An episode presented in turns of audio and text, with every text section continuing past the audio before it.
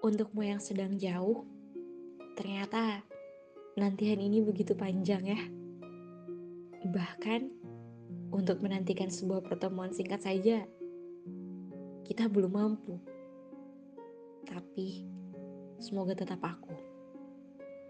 Semoga tetap namaku yang selalu kamu ingat.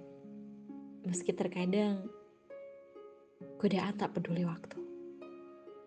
Bahkan saat kita beradu amuk dan rindu, semoga tetap aku tempat yang menjadi tujuan akhirmu.